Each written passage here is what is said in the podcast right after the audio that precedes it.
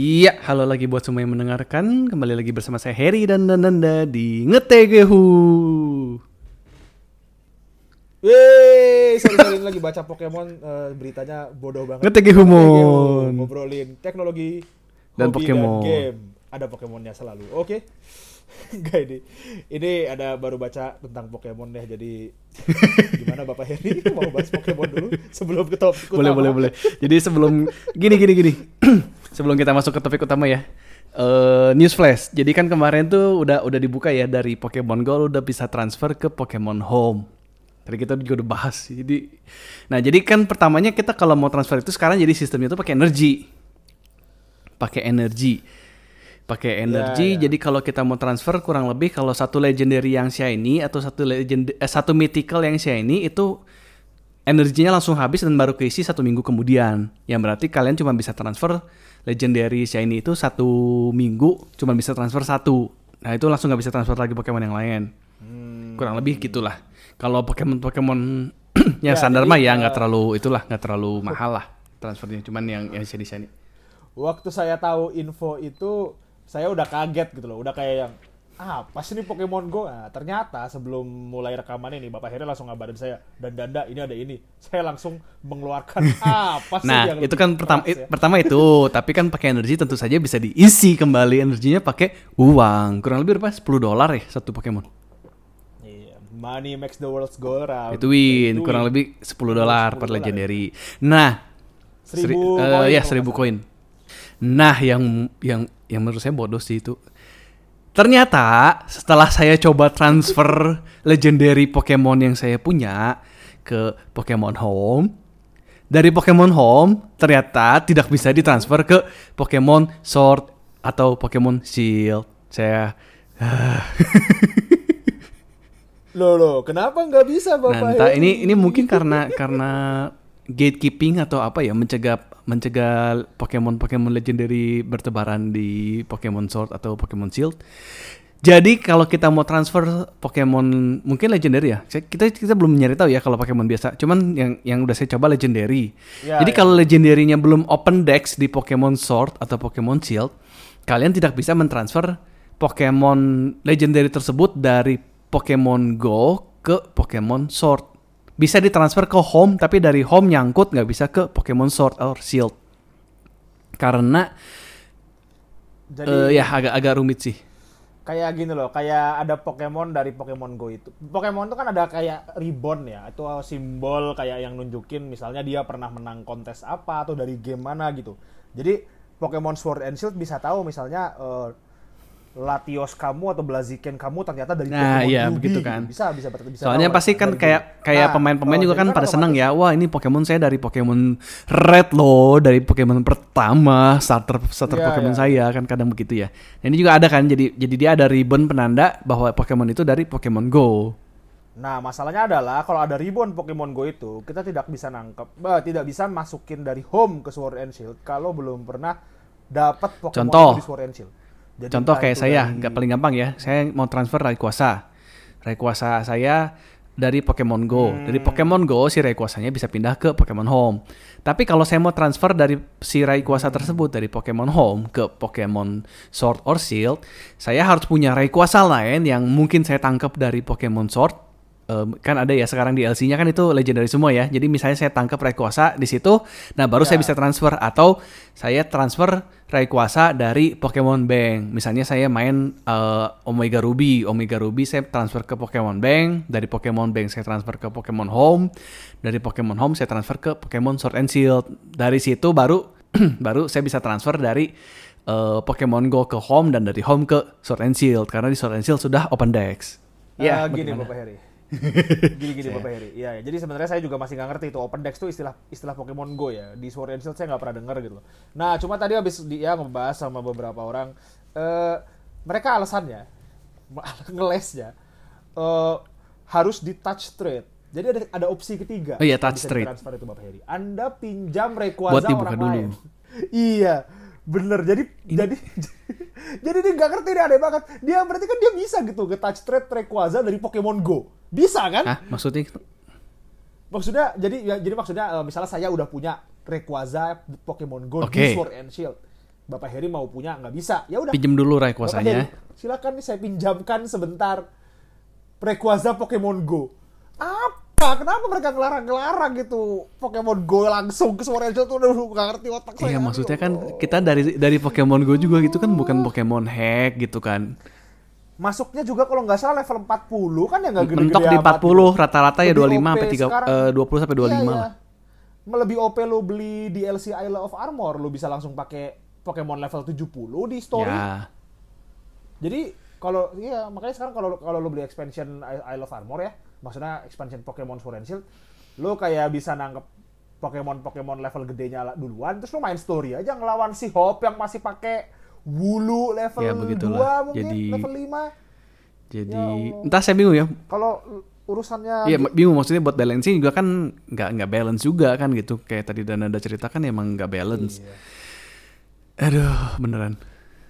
Kalau urusannya masalah eh, gatekeeping juga ini apa namanya eh, kan udah di gatekeeping sama energi. Iya karena kan udah dibatas kayak tadi ya. Jadi kayak Sejak saya punya legendary juga kan sebenarnya Oh. bisa dibilang udah puluhan ya di Pokemon Go. Jadi saya juga nggak bisa transfer sekaligus brek gitu kan langsung ke home, brek langsung ke sword gitu kan nggak nggak bisa langsung juga gitu. Entah maksudnya Iya, maksudnya iya, apa sih ini saya juga kesel gitu karena emang impian saya dari dulu kan memang main Pokemon Go itu untuk suatu hari ditransfer ke eh, game Pokemon yang terbaru gitu dan jadi saya bisa bisa mainin legendernya juga di Pokemon yang baru gitu dan saya bisa banggain kayak orang lain kan ini Pokemon saya dapat dari Pokemon Go gitu kan. Aduh. Iya ini ajaib nih. Ini ajaib banget. Ya. Ngomongin Pokemon. Tiada ngetegehu tanpa misu-misu Pokemon. Baiklah. Betul sekali. Oke, eh, news flash beres. Sekarang Bapak Heri kita mau ngebahas apa di episode Oke, kita dulu kali? jadi episode kali ini kita mau ngebahas tentang mitologi dalam game-game eh bukan ya, mitologi dalam eh, game. Itulah pokoknya mitologi di dalam game. Mitologinya maksudnya mitologi-mitologi yang di dunia Hmm. nyata yang diadaptasi ke game-game yang ke video game ya itulah. game. saya ngomongnya jadi bingung. Terlalu emosi saya. eh, jadi maafkan, maafkan. ya udah kalau gitu saya biarkan dulu Bapak Heri untuk beristirahat ya, biar saya saya sekarang Baiklah. yang bercerita. Eh, jadi mitologi mungkin kalian sering mendengarnya kalau kalian sering seneng bacain ya baca novel atau mungkin ya main video game kalau video eh, kemudian karena memang video game mitologi banyak ya ada God of War God of War. God of War yang paling terkenal itu kemudian mungkin Assassin's Creed Valhalla juga harusnya ada ya soalnya kan ya pokoknya kalian oh atau Shin Megami Tensei yang Ya dewanya itu kan dewa-dewanya juga eh, ya Thor dan ngambilnya yang ikonik-ikonik yang klasik ya, klasik-klasik dewa juga. iya Terus eh, yang Banyak ya, terbaru banyak ya, sekali. eh, Eh, apa namanya? dan- Eh, Zeus, ya Zeus, Zeus ya benar. Eh kok Zeus sih saya jadi lupa. Hades, sorry, Hades. Hades. Ya Bapak Heri yang main Hades bukan saya. Anda bisa Ya, lupa maafkan, ya maafkan. ampun. Hades, terus yang Ya, yang dia game game sama terbaru yang yang bakal kita bahas juga Sakuna itu juga sangat mitologi, itu mitologi Jepang ya. Sakuna ya. Jadi kan ada mitologi Yunani, Iya, mitologi, mitologi Jepang, mitologi eh, Nordik. Itu itu banyak sekali ya dia. Sebenarnya Ya, di luar game-game juga kan diadaptasi di ya itulah apa eh, pop culture ya kayak movie, kayak komik kan kayak Thor gitu kan udah Iya. udah sangat normis ya itu. Kalau movie itu ya Thor di dari Marvel, kemudian mungkin ini apa namanya? Yang niru, bu- bukan niru Harry Potter, yang pengen seterkenal Harry Potter tuh apa tuh? Eh, Peter Jackson ya, Eh, Peter yang Jackson. anaknya Zeus saya lupa. Nah, iya Peter Jackson. eh Peter Eh, Jackson iya, ya? kayaknya Peter ini- saya mau lebih kalau salah. Yang pengen Ya Peter Aduh, Jackson eh, benar. Peter, yang eh anak bukan Zeus apa anak Peter Zeus? Jackson mah apa? Itu mah aktor. Peter Jackson Itu yang aktor. Salah salah Ring. salah. itu masih sutradara ya Allah. Maafkan. ya. Seperti saya, biasa saya tidak, tidak siap. apa bukan ngetegehu kalau kita tidak salah dan tidak bodoh. Percy. Percy Jackson ya Allah akhirnya saya ingat. Ah. Ya, jadi mitologi teh intinya adalah eh, ini ya, sebenarnya kalau secara umum itu kisah eh, tentang pembentukan dunia yang biasanya melibatkan para dewa-dewa gitu. Eh, mitologi sendiri juga kalau di masa lalu masih dibahas sebagai eh masih dipercaya Hmm. sebagai agama ya. Jadi ada beberapa dan bahkan sampai sekarang masih ada mitologi yang sebenarnya hub- eh, berhubungan dengan agama yang dianut sama mereka, misalnya mitologi Hindu, eh, Brahma dan eh, teman-temannya ya, Dewa yang Brahma perang dan teman-temannya. perang lima dewa itu ya.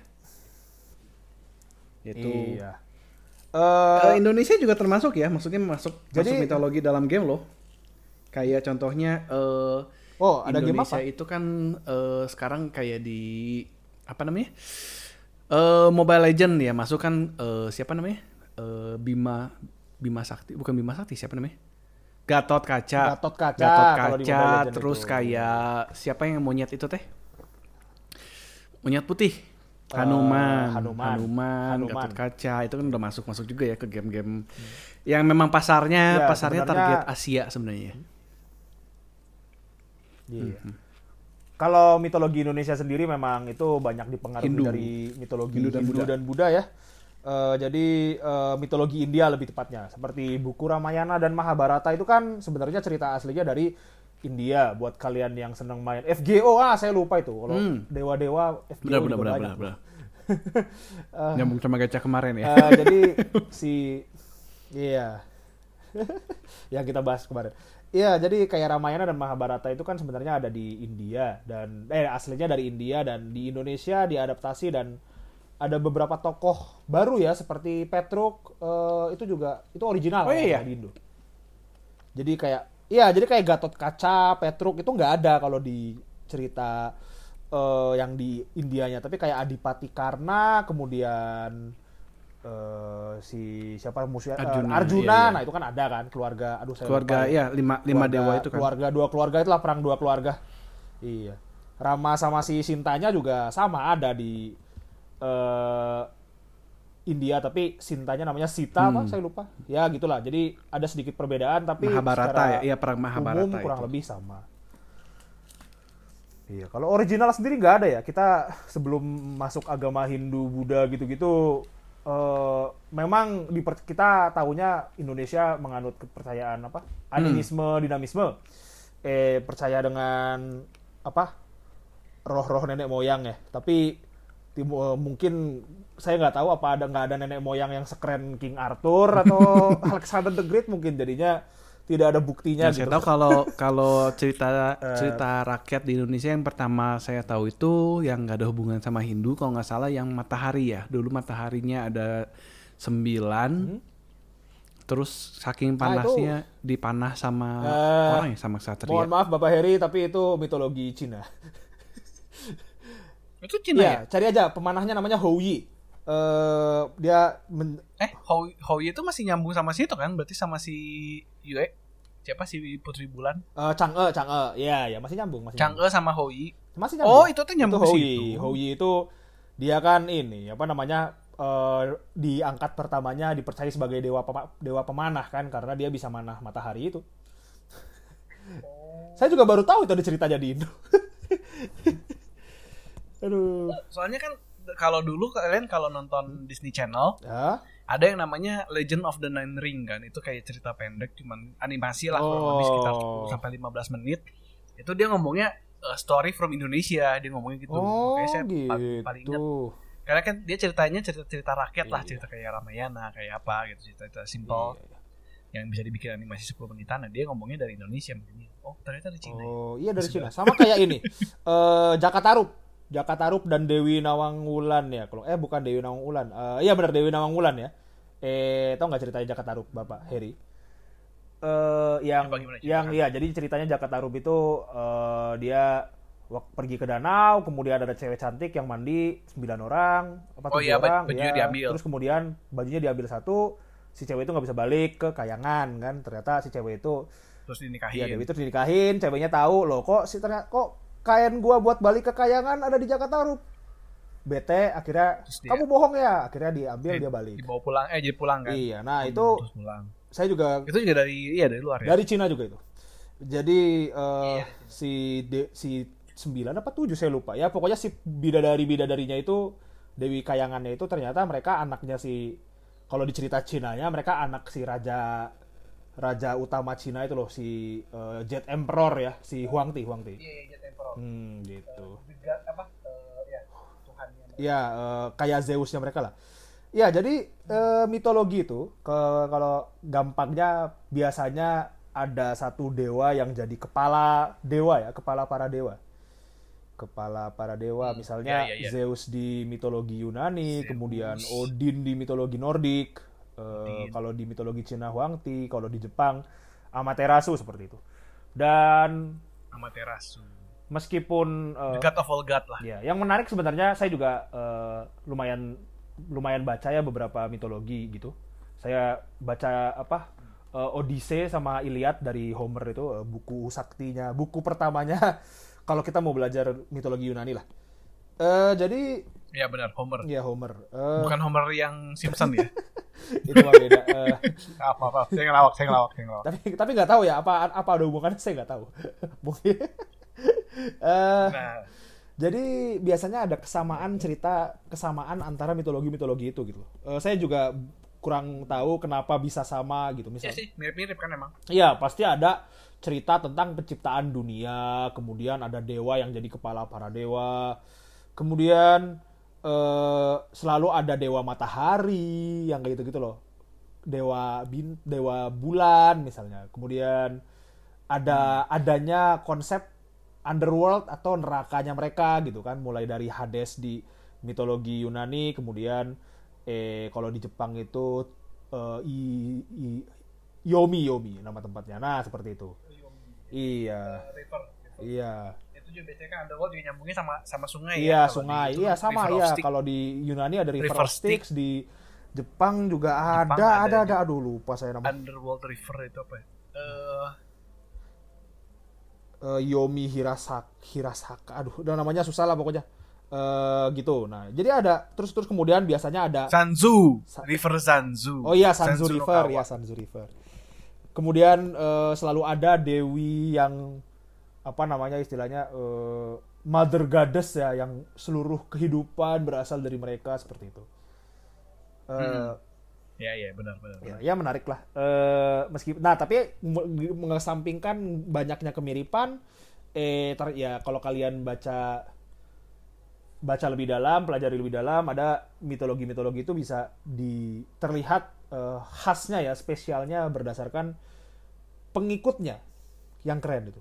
Jadi kayaknya kita bisa melihat eh, dari mitologi itu kira-kira manusia-manusia dulu kerjanya ngapain. Misalnya mitologi Yunani nih. Mitologi Yunani, kalau kalian baca Zeus itu nggak keren coy. Kenapa Bapak Heri Iya udah iya ketawa? iya. iya.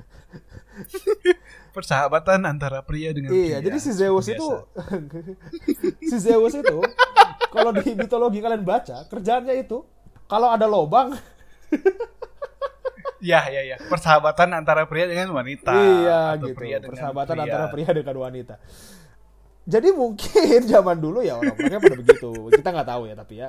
Eh, karena saya kalau Yunani saya nggak tahu tapi yang kelihatan jelas itu mitologi eh, Nordik sama Jepang yang saya paham.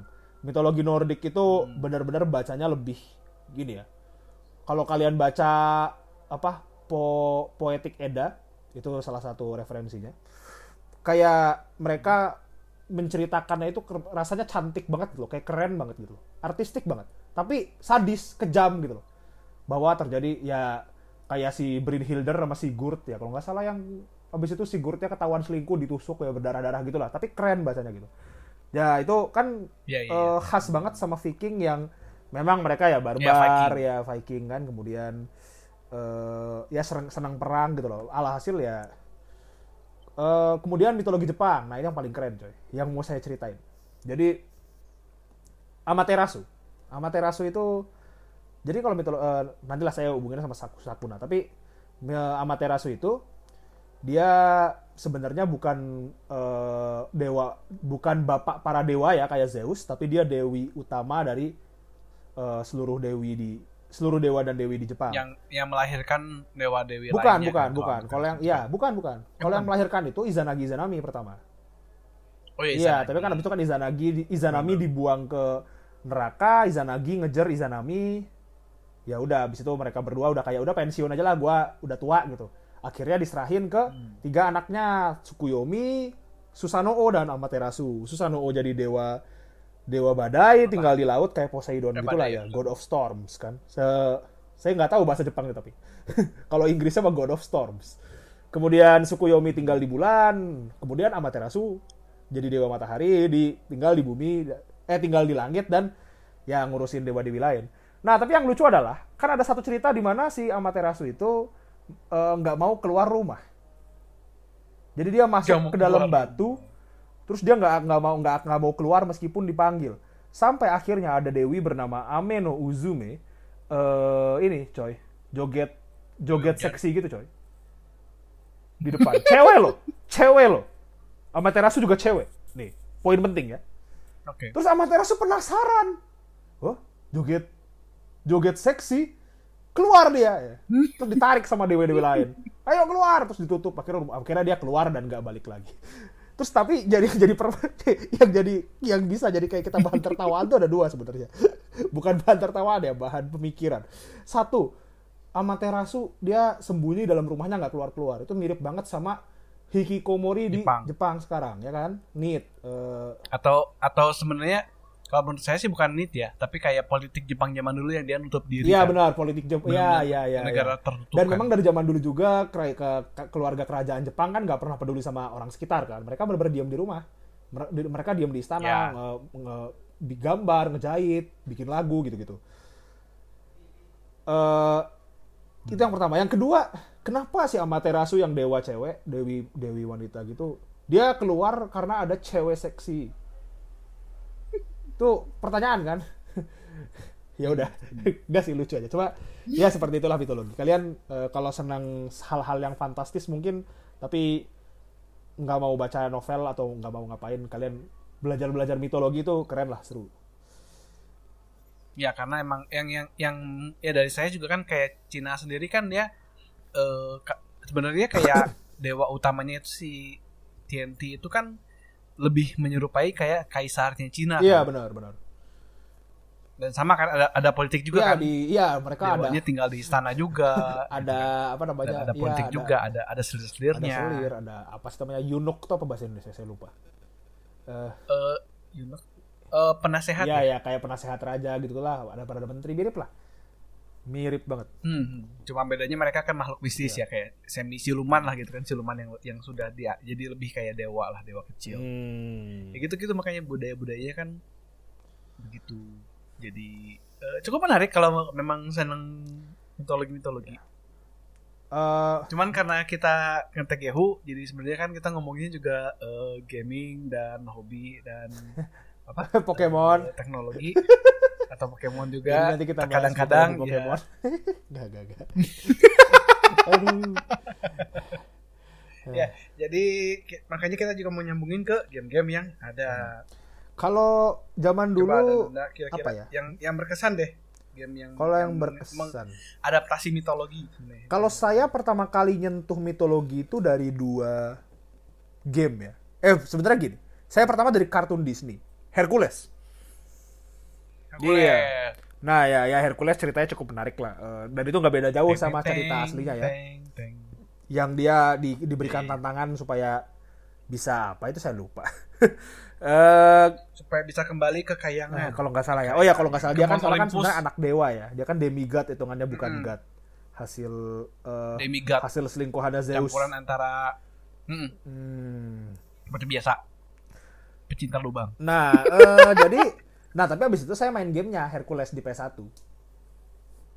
Oh, yang adaptasi film. Iya benar, adaptasi film Disney itu. Jadi saya main versi gamenya ya cukup menarik lah, side scroller, platformer eh, gitulah.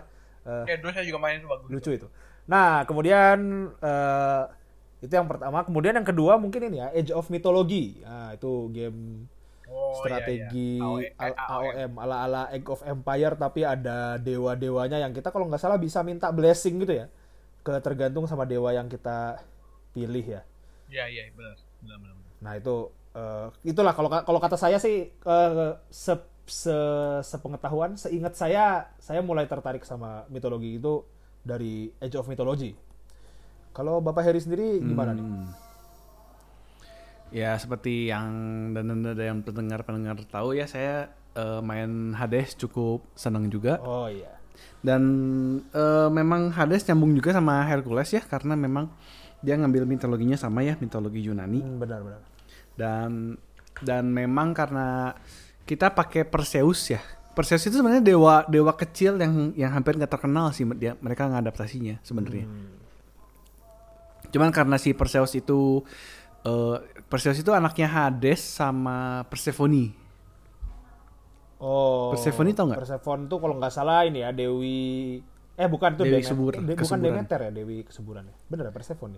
Dem Demet. Oh iya Demeter. Demeter, Demeter, Demeter, bukan deh. Eh bukan bukan. Persephone itu anaknya Demeter. Oh ya berarti nggak beda jauh lah eh, kalau misalnya itu jasa sama. Iya iya iya iya.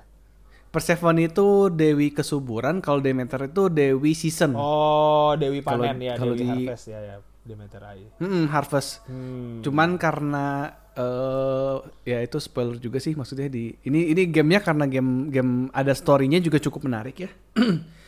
Hubungan antara Hades sama eh, Olympians lah istilahnya kan God of Olympians Olympians yang lain gitu kan diceritain di sini. Ya. Dan memang dalam sih. Dan memang story base jadinya jadi cukup mendalami juga sih. Dan dia diceritain juga kan di situ ada ada siapa namanya King Perseus ya. Zeus. Si yang MC-nya itu Perseus apa? kan? Eh, oh ya MC-nya Perseus. Terus maksudnya ada ada yang aduh saya lupa yang dihukum di Perses. Afterlife suruh Perses bukan anaknya Perseus, bukan. bukan bukan. Eh, ini mah ini eh, orang biasa eh, raja yang yang dihukum suruh ngangkat batu terus tiap tiap udah mau nyampe atas batunya gelinding lagi ke Oh, bawah. Atlas. Bukan. Bukan yang disuruh gliding itu Atlas apa Pak? Ah, siapa? Ini saya saya Siapa saya lupa. Saya aduh aduh mohon maaf nih ya saya juga udah lupa nih. Aduh eh eh, Saya saya itu Hades juga udah udah udah beberapa nggak nggak eh, udah udah udah hampir sebulan nggak main jadi saya cukup lupa ya maafkan maafkan diceritain juga kan jadi jadi kalau di apa istilahnya kalau di Yunani itu kan God of Creationnya itu chaos kan ha. itu yang God God pertamanya itu chaos. Terus oh, tadi oh tuh ini siapa ya? Sisyphus saya baru tahu. Sisyphus. Iya yang yang batu. Ah, akhirnya. itu Terima kan kasih Google. eh, itu. Iya iya iya. Si- Sisyphus. Terus ada Orpheus. Oh. Orpheus dan Eurydice. Itu eh nyetir mereka juga. Ada Asterius dan Theseus. Itu yang lucu itu sih mereka berdua sih. Asterius dan Theseus jadi kalau di Yunani itu kan ada yang namanya eh, kalau kalian tahu kan labirin ya L- eh, labirin itu kan penjaganya ada kan si Minotaur itu tau ya, kan tahu tahu tahu. Nah, si Minotaur itu kan namanya Asterius. Terus eh, jadi kan kalau di Yunani itu underworldnya kan dibagi tiga ya. Jadi sama kayak eh, di modern sebenarnya ada underworld itu ada yang hellnya, istilahnya mirip sama hell jadi tempat penyiksaan. Ada yang eh apa sih yang tengah-tengah itu kan River of Styx. Jadi si sungai sungai Styxnya. Terus udah gitu sam- nyambung ke yang istilahnya tuh heaven underworld heaven para champions jadi orang-orang yang eh, istilahnya mah layak lah nggak bukan bu- layak layak masuk surganya mereka lah di Elysium kan namanya ya Oh iya iya iya iya.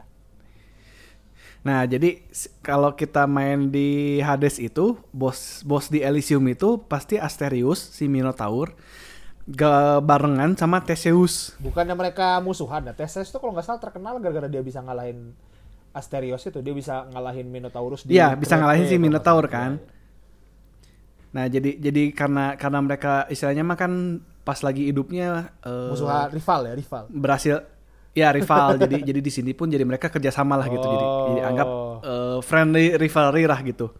Tapi tiap kali kita datang ke situ terus kita tiap kali ngegodain si Theseus kok lu lagi sih? Bukannya biasa kan yang lebih terkenal itu kan si itu si siapa? Eh Hercules. Hercules yang mana kok lu lagi? Lu lagi lu makan Hercules KW aja di, Oh, diomongnya iya. gitu dong terus Theseus yang ngamuk eh gue juga kan lumayan tau kayak gini-gini juga. Oh Herculesnya sibuk ya anjir sih berantem lah kayak Ketemu- gitu Tapi ketemu Hercules gak di Hades?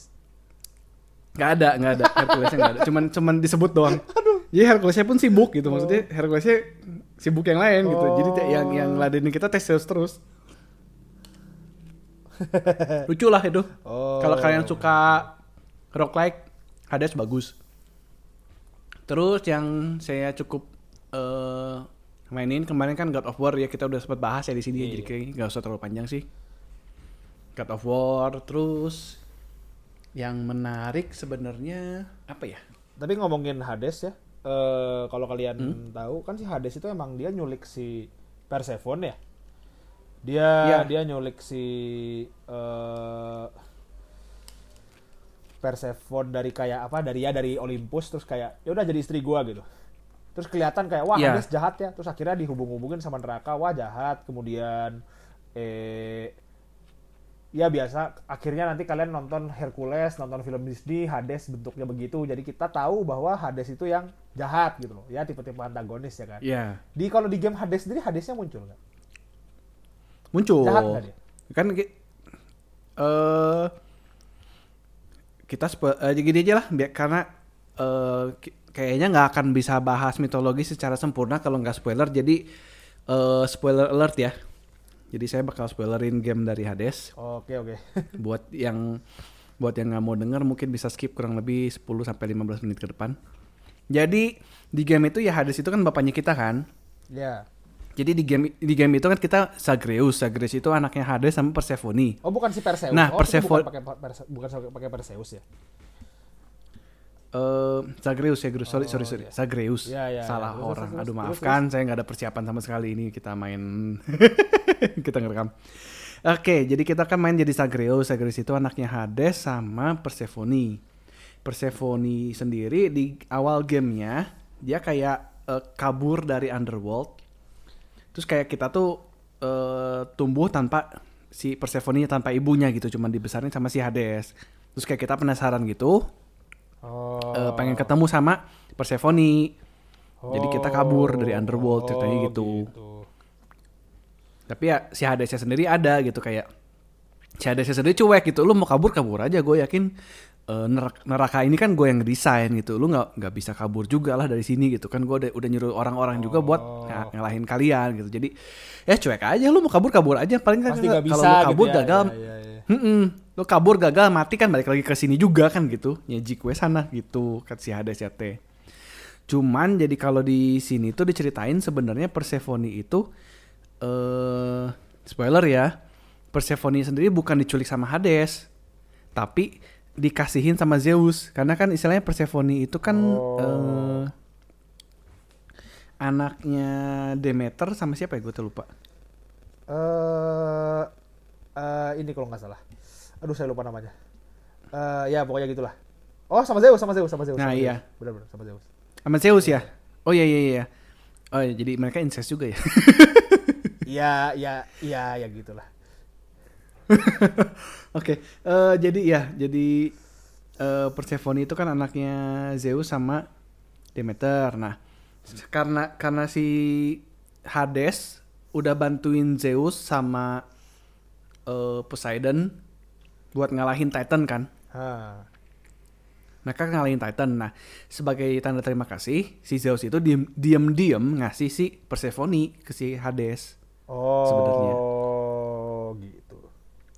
Gitu. dan memang eh, Persephone sendiri eh, dia sih sebenarnya emang seneng-seneng aja cuman karena waktu waktu ngelahirin si Zagreus itu Zagreusnya pertamanya tuh mati jadi stillborn stillborn tuh keguguran kan Oh, terus mengorbankan supaya hidup. karena mm, karena keguguran dia jadi kayak stres gitu jadi jadi tiap kali di underworld dia nggak mau nggak mau nggak mau tinggal di underworld lagi karena jadi ngingetin anaknya dia gitu Oh. Jadi dia kabur dari underworld dan ternyata sama sama si Nyx ya. Nyx itu kan istri lain dari Hades, God of Night, Dewi Malam. Nah si Nyx itu Hmm. eh, ngerawat stillbornnya si Persephone jadi bisa hidup lagi gitu. Oh. Tanpa si Persephone-nya tahu sebenarnya gitu. Nah pas di endingnya itu terakhirnya eh, sampai beberapa kali ketemu si Persephone, akhirnya si Persephone balik lagi sih ke underworld tanpa ketahuan eh, Olympians, tanpa ketahuan dewa-dewa di Olympians. Oh. Karena kalau ketahuan bakal perang, karena istilahnya kan tetap si Zeus kan diem-diem kan. Ya, ya, ya. Dan ya. memang si Perse- Persephone itu kan se- eh, cerita officialnya kan diculik sama Hades kan. Hmm, kalau sampai ketahuan ternyata Zeus yang ngasih kan, ya ngerti lah pasti banyak yang jadi masuk. perang, Ya, ya, jadi ya. jadi perang antara Underworld sama Olympus gitu. Makanya mereka diam-diam sebenarnya. Gitu kurang lebih Iya. ceritanya. Ceritanya bagus sih karena eh, bagus bagus. Iya, jadi emang sekarang kalau di sejarah di mitologi aslinya memang si yang diketahui Persephone itu diculik ya. Jadi mungkin Hades game itu menginterpretasi lah. Ternyata enggak kan gitu ya kan. Karena eh, ya nggak ada yang bilang game harus sama persis kayak mitologi. Eh, pasti eh, adalah eh, unsur kreasinya kan. Nah, eh, kalau tapi kalau Bapak Heri perhatikan Hades itu istrinya cuma satu, Eh, Nix ya. Persephone. Oh Persephone. Jadi dia nggak, jadi dia nggak ke cewek lain gitu loh istilahnya. Dia tidak main, dia tidak main dengan wanita lain seperti halnya, ah, maaf di um, Zeus of. kayak kayak yang kalau lu tahu kayak yang, wow hebat ya gitu, menarik ya gitu. oh iya ya, memang si Nix sendiri dia bukan istrinya dari Hades ya. Bukan dia itu eh, lebih tua lagi, dia kan termasuk yang Titan kalau nggak salah ya. Dia anaknya Kaos Dia anaknya Chaos, anak anak pertamanya Chaos malah. tuh. Hmm. Lo bayangin coy, Oh jadi kayak susternya susternya Zagreus lah ya. kayaknya iya. Atau Foster apa sih son, anak angkat anak angkat. Ya ya ya benar. Anak ya, iya kan? angkatnya dan Jadi jadi jadi bantuin si Hades. Ya sekretarisnya Hades. Iya. sekretarisnya Hades bener-bener jadi poin yang saya itu kayak lo eh, apa namanya? Hades itu di antagonistik Antagonis ya, tapi di cerita. wanitanya tapi dia setia dengan satu wanita. Kurang keren apa coba? Lihat Zeus. Oh dan dan yang keren jadi kayak si si Persephone itu kan dia kabur kan? Ya terus eh pas dia kabur ke overworld kan istilahnya ke dunia manusia Ha. si Zagreus itu kan eh, kita kayak istilahnya kalau lu main itu kan udah berhasil nih sampai ke atas kan? Oh. Udah berhasil sampai ke udah berhasil lah istilahnya udah bisa ngobrol lah gitu kan? Udah keluar ya dari Hmm, udah, udah berhasil keluar terus kayak ngobrol-ngobrol gitu. Pertamanya si Persephone itu dia nggak mau balik lagi karena dia kayaknya dia ngomong kayaknya si Hades mah ada emang udah ngelupain gue gitu. oh Gue kan udah kabur dari dari Hades kan. Gue udah kabur dari Underworld meninggalkan dia. Dia dia gue yakin dia udah nggak udah nggak cinta sama gue gitu. Terus kayak buat ngebuktiin itu si Zagreus itu dia menyusup ke kamarnya si Hades. Terus kayak kamarnya Hades itu bener-bener ke satu eh kamarnya itu kosong, cuman isinya cuman ranjang. Sebelahnya ranjang ada meja sebelah meja kecil gitu. Atasnya cuman ada fotonya si Persephone. Wih, oh saya kira bakal udah- ini kayak kayak kamar fans idol yang dindingnya semua ternyata fotonya Persephone.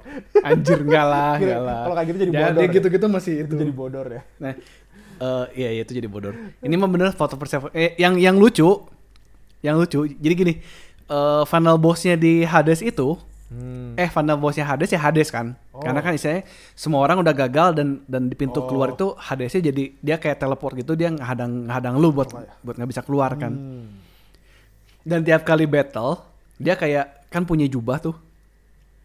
Dia tuh kayak Hah, akhirnya anak anakku kamu berhasil sampai ke sini. Cuman saya akan menghadang kamu supaya tidak bisa keluar. Terus kayak dia ngebuka ngebuka si jubahnya gitu kan mau mau battle kan. Jadi dia bertelanjang dada Oh. battlenya buka jubah dan jubahnya pasti kebakar kan. Animasi biasa lah kayak animasi 2D gitu kan tau lah kayak kayak final boss gitu kan buka buka jubah jubahnya kebakar kan. Hmm, ya ya. Terus kayak kayak lu lu masuk ke kamarnya si Hades. Yang ke satu tadi kan ada ada cuma ada fotonya Persephone dan kedua ada lemari baju isinya jubah semua.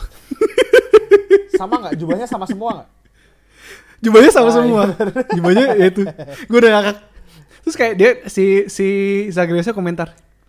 Hah, bapak gua. Lu tahu kan sebenarnya dia kayak, kayak ngomong ngom- pas lagi dia kayak kalah gitu kan, kalah sama bapaknya.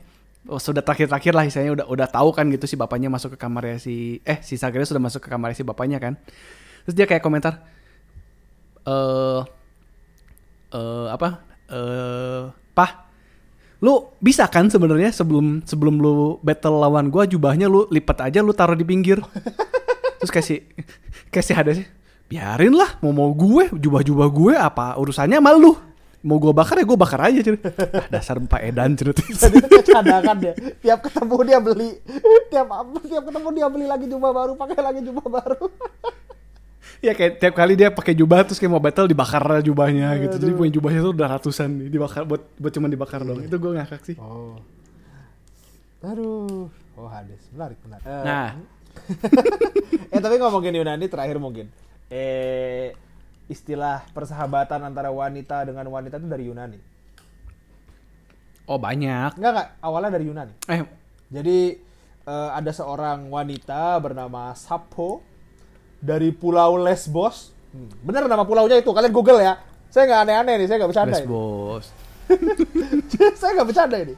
Eh, dan dia memang dari dulu sudah sudah terkenal eh, membuat puisi atau ya jadi dia seorang pu- pujangga membuat puisi yang berisi tentang persahabatan antara wanita dengan wanita dan salah satu yang paling terkenal adalah pujaan dia ke Aphrodite eh, dewi ke- Oh. kecantikan ya Iya iya. ya seperti itu dan kalian dari mendengar ini saja kalian bisa paham lah ya eh, selaknat Ya, apa itu Yunani zaman dulu Tapi memang memang maksudnya kalau dari dari budaya memang apa ya? Yunani itu memang kental dengan eh, homoseksualnya ya. ya ya Memang karena memang pria dan pria, pria dan prianya pun dari situ kan sebenarnya. Hmm. Pria dan pria dan wanita dan wanitanya juga dari situ. Mereka benar-benar bebasnya sebebas-bebasnya lah istilahnya kan gitu. Luar biasa sih. Oke. Karena setahu saya yang 300 nonton 300 kan ya? nonton, nonton, nonton. Nah katanya itu juga kan pria-prianya memang eh, persahabatan antara, antara pria kan, kesatria kesatrianya oh iya itu. iya iya. Tapi memang eh, zaman dulu juga, tapi memang zaman dulu eh, prajurit-prajurit itu memang banyak yang mendalami filosofi persahabatan antara pria dan pria. Kenapa? Karena salah satu contohnya aja di Jepang. Eh zaman dulu itu kalau cewek ke dibawa ke, ke medan perang itu Hmm, eh, kayak apa ya? Apa sih istilahnya? lah ya. Bukan eh, apa sih istilahnya itu? Eh, pamali ah ya pamali. Oh pamali. Iya, jadi kayak bakal bikin tabu, bakal bikin eh, perangnya kalah seperti itu. Ya alhasil Hmm. pria-pria yang mungkin terlalu semangat, hormon testosteronnya meningkat, bingung mau ngapain. ya udah. Sa- Bersahabat aja Iya, dengan pria lagi. Seperti Oda Nobunaga dan Moriran Maru yang katanya sih persahabatannya cukup baik ya. Seperti itu. Eh serius? Ya iya kan Moriran Maru eh, Hmm. cukup eh, tampilannya cukup cantik ya. seperti itu. Eh, Oke. seperti itu dan nggak cuma di Jepang maksud saya di beberapa negara juga harusnya sih seperti itu eh be- ada yang Oke. ada yang bahkan ada beberapa yang saya tahu bawa ini sih bawa bawa wanita ya biar biar mungkin tidak terjadi persahabatan seperti itu. Hmm, hmm. aduh bahaya nih bahasannya makin lama makin mengerikan eh tapi memang kayaknya mitologi Yunani ya yang paling banyak diadaptasi di video game ya eh Yunani dan Nordik ya kayaknya. God of Karena kan mereka Nordic kayaknya dikit deh. Kalau game ya. Kalau media lain mungkin banyak tapi coba kalau game selain God of War yang kepikiran apa? God of War yang Nordik ya. Iya, yang Nordic. Kayaknya si, Avenger Assemble. ya enggak itu kan dari media lain. tapi saya aduh berada benci sih sebenarnya. Lego Avenger. Eh, Thor itu membuat eh, pandangan ke mitologi Nordic jadi sedikit berubah gitu.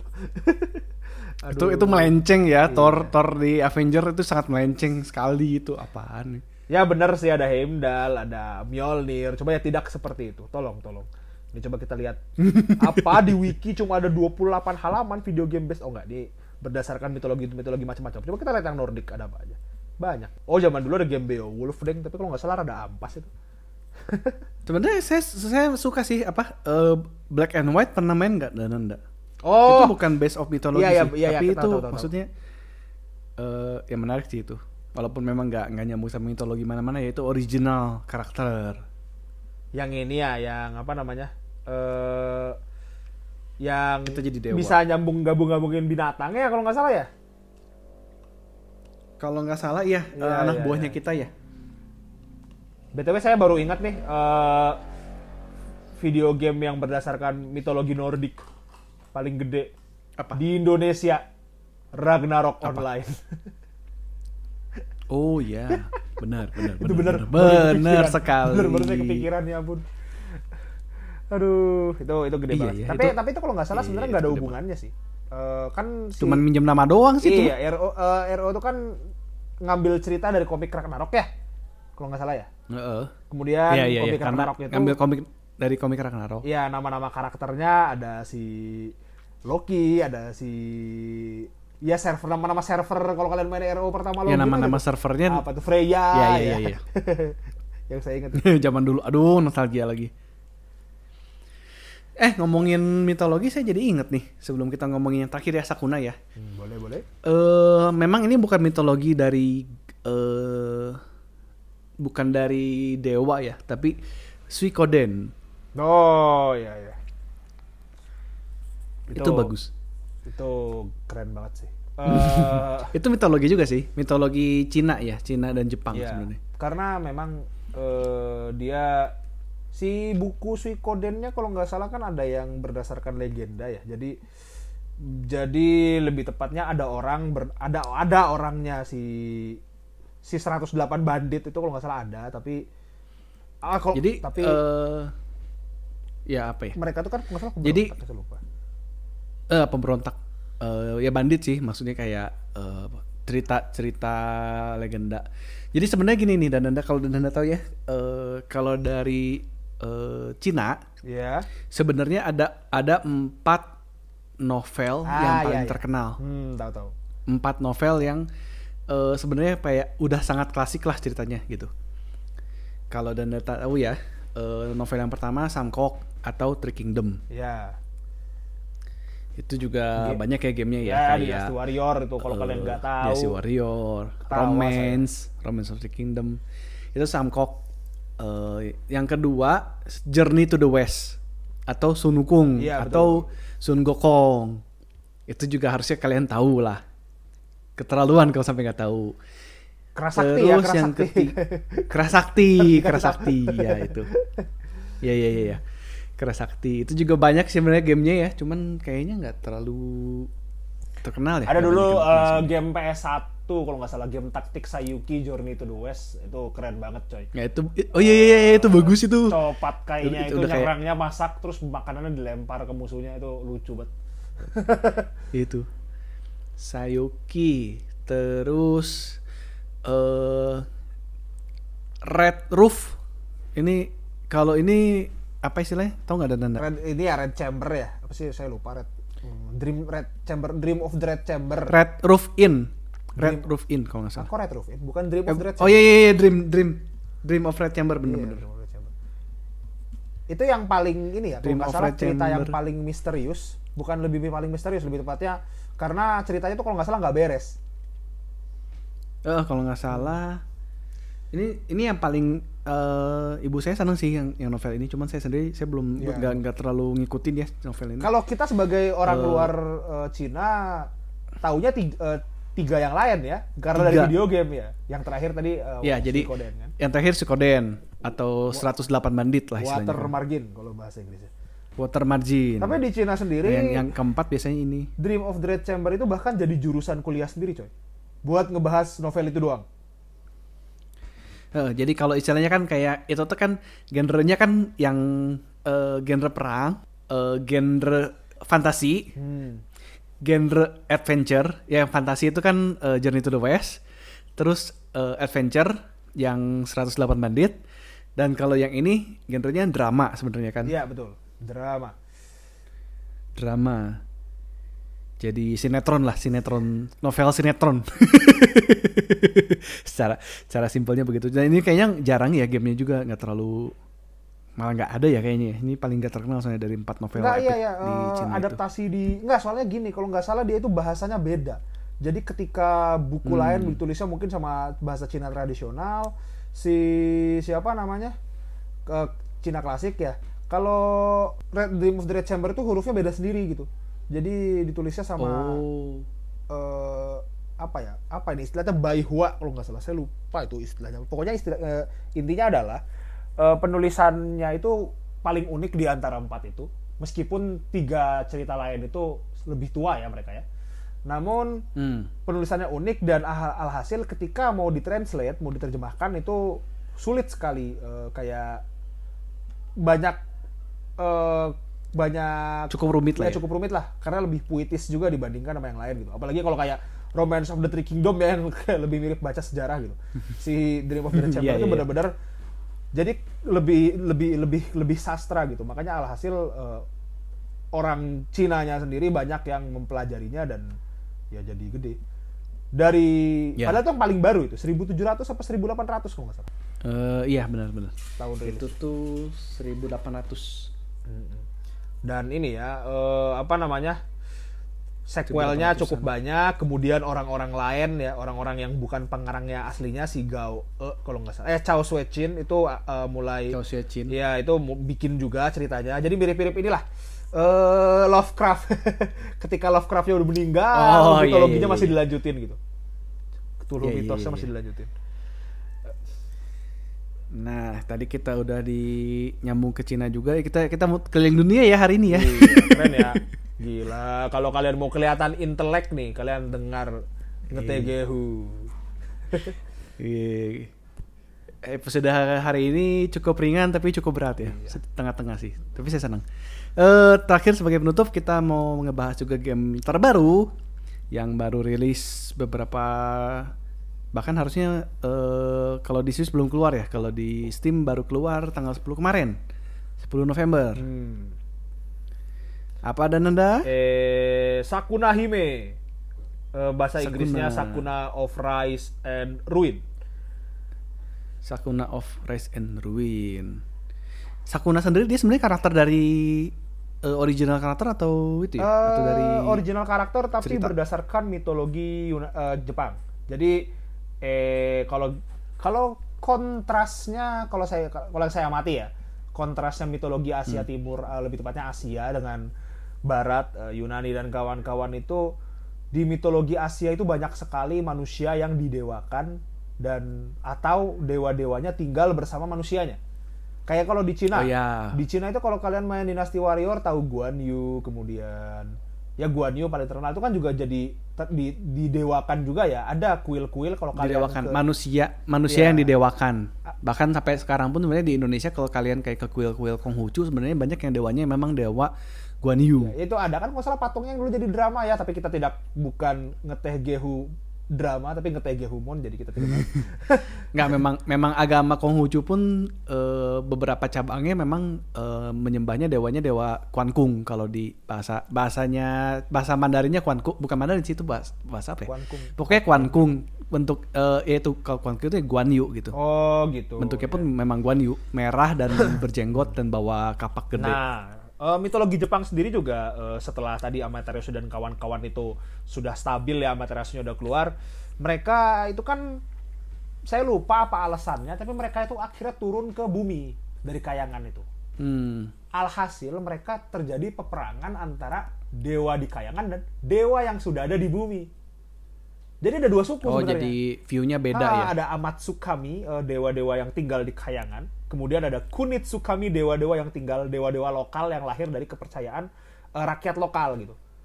Ya akhirnya terjadi perang lumayan kayak eh, kalau kalian baca tentang sumo juga olahraga sumo itu sejarah dari situ. Ada pokoknya dewa langit nantang dewa bumi kayak eh mau pakai apa kita? Pakai sumo aja nah gitu. Eh, jadi iya serius. Jadi Eh, jadi ada konsep di mitologi Jepang di mana para dewa itu tinggal bersama dengan rakyat-rakyatnya gitu. Sakuna Hime sendiri juga seperti itu. Eh, tentu saja dia sangat wibu banget ya. Eh Sakunanya sendiri sebenarnya nggak beda jauh sama manusia biasa, tapi dia punya kemampuan khusus gitu. Eh, Dia kalau di sini kan ceritanya Dewi Harvest ya. iya. Dewi panen sebenarnya. Jadi gamenya itu menarik ya. Eh, saya belum main tapi ngelihat nonton juga keren banget. Dan yang bikin kalau nggak salah cuma Iya, dua saya juga orang. ya. belum main. Dia hitungannya indie coy.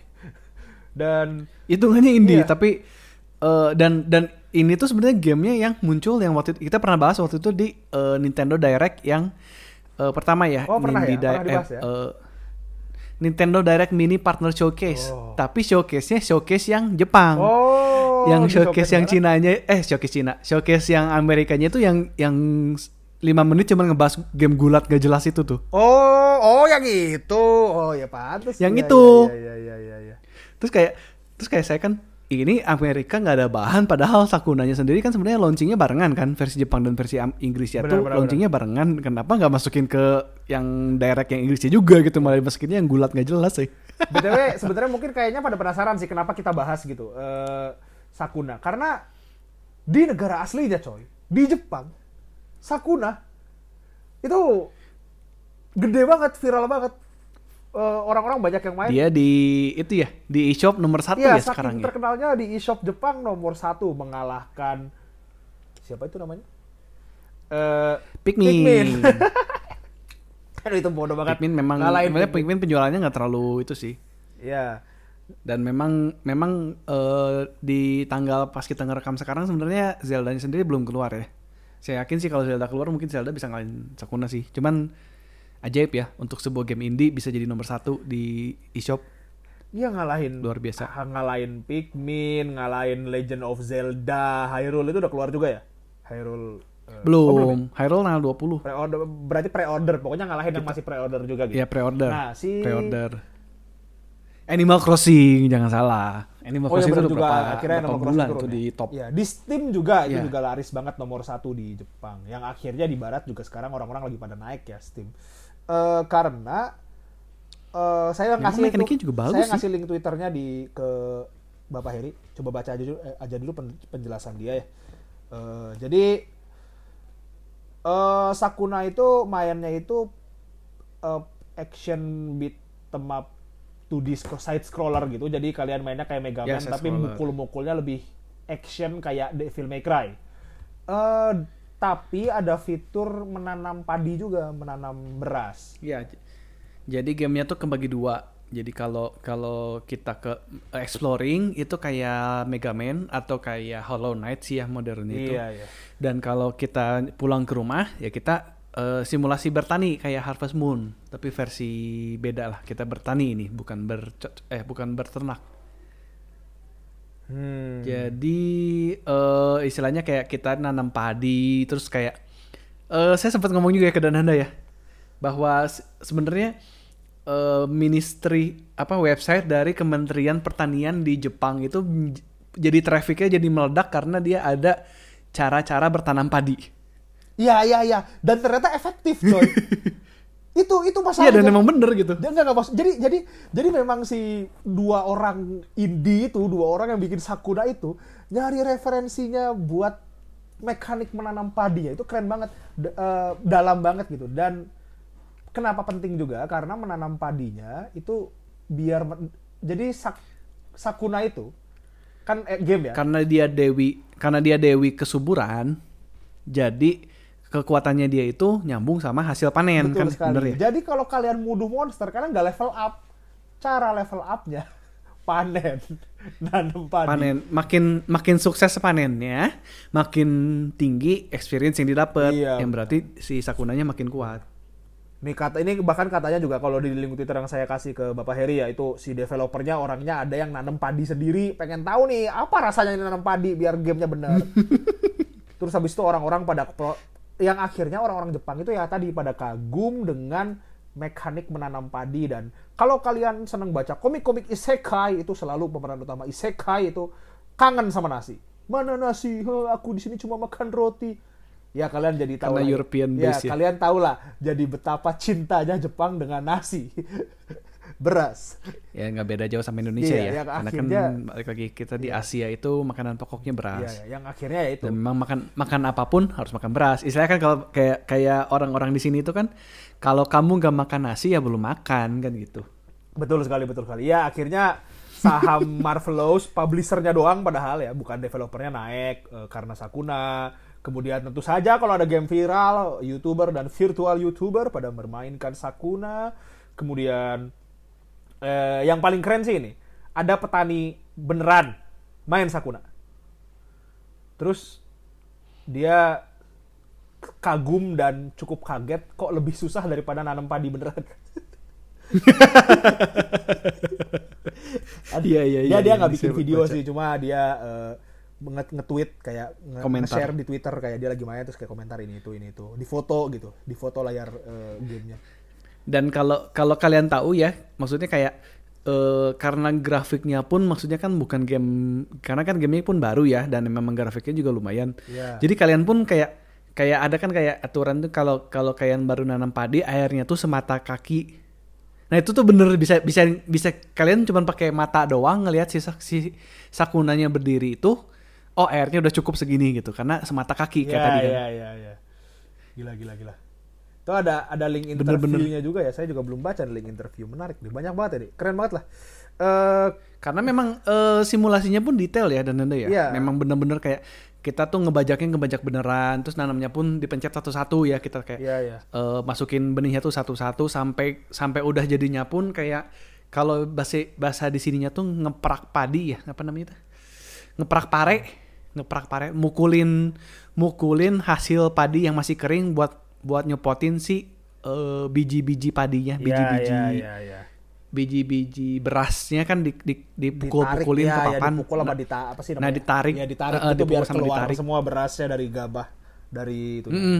Itu pun di awal game saya lihat reviewnya harus dikerjain manual. Semakin kalian ngerjain manual, semakin bagus hasilnya nanti. Kalau kalian bisa, sebenarnya bisa di autoin, diotomatisin bisa, tapi eh, nggak sebagus kalau kalian kerjain Ya, sendiri ya, lah, ya. istilahnya gitu. Dan eh, apa namanya? Ya jadi jadi hasilnya orang-orang pada bingung kan gimana cara nanam padi. Akhirnya mereka itu tadi ngelihat website pertanian pemerintah ya. Buka, iya eh, website Kementerian Pertanian Jepang. Dan Cara menanam padi. Dan Jadi itu- walkthrough dari Sakuna. terus yang paling lucu tuh aduh ini lagi saya cari gambarnya. Eh apa namanya? Gambar eh jadi di Jepang itu ada publikasi pertanian nasional kayak korannya gitu. Bulanan apa mingguan Oh, iya. masuk ke situ. Terus Oh, iya. iya dibahas kayak ini keren banget kayak gini-gini kayak lo gitu loh. Hem aku ingin masuk koran pertanian in, eh, Jepang. Oke aku bikin game aja. Bukan Luar biasa tapi memang Jadi ketika Bagus lo baca maja- Ya. baca lo baca koran itu, lo kayak hmm, lo bisa tahu cara bikin semangka kotak, lo bisa tahu cara eh tahu apel yang manis yang mana. Dan di situ juga lo bisa tahu cara main Sakuna. Gila. memang eh, game ini, luar biasa Ini ya. eh, di keren banget di mana apa ya? eh, ya ketika lo mencari referensi untuk membuat sebuah game itu sangat bagus dan akhirnya mendapat pengakuan sendiri dari ini ya. Dari Maksudnya kayak kayak gini deh. Lu main Harvest Moon aja nggak masuk ke website perkebunan Oh, iya, dan iya, iya, pertanian Jepang kan gitu kan nggak ada gitu kayak eh, Harvest Moon launching di Jepang gitu kan karena kan memang Harvest Moon pertama kali keluar di Jepang kan. ya ya ya. Harvest Moon keluar di Jepang terus kayak pemain-pemainnya tuh nyari ke website ke kementerian gitu. Gak kan gak sedetail itu kan. Sedangkan Sakuna itu saking detailnya sampai kalau kalian menerapkan ilmu-ilmu bertani yang real itu kepake gitu di situ kan. Luar biasa. Ini saya kasih nih eh, link di eh, foto korannya. Cara membuat beras yang enak. Screenshotnya Sakuna. Subarashi. Subarashi. Oh iya benar Sakuna dong. Aduh. Lagi tuh, bertani ajaib. dia, lagi ngangkat gabah. Ajaib bener. Luar biasa. Memang. Dan yang paling lucu tau nggak apa lagi? Eh, kan PS5 baru rilis ya? Oh iya PS5. Iya. Demon Souls, game cukup gede ya? Oh iya. Ya, Eh, udah eh launching title ya dia. iya. Ya, hype-nya kalah sama Sakuna, Sakuna.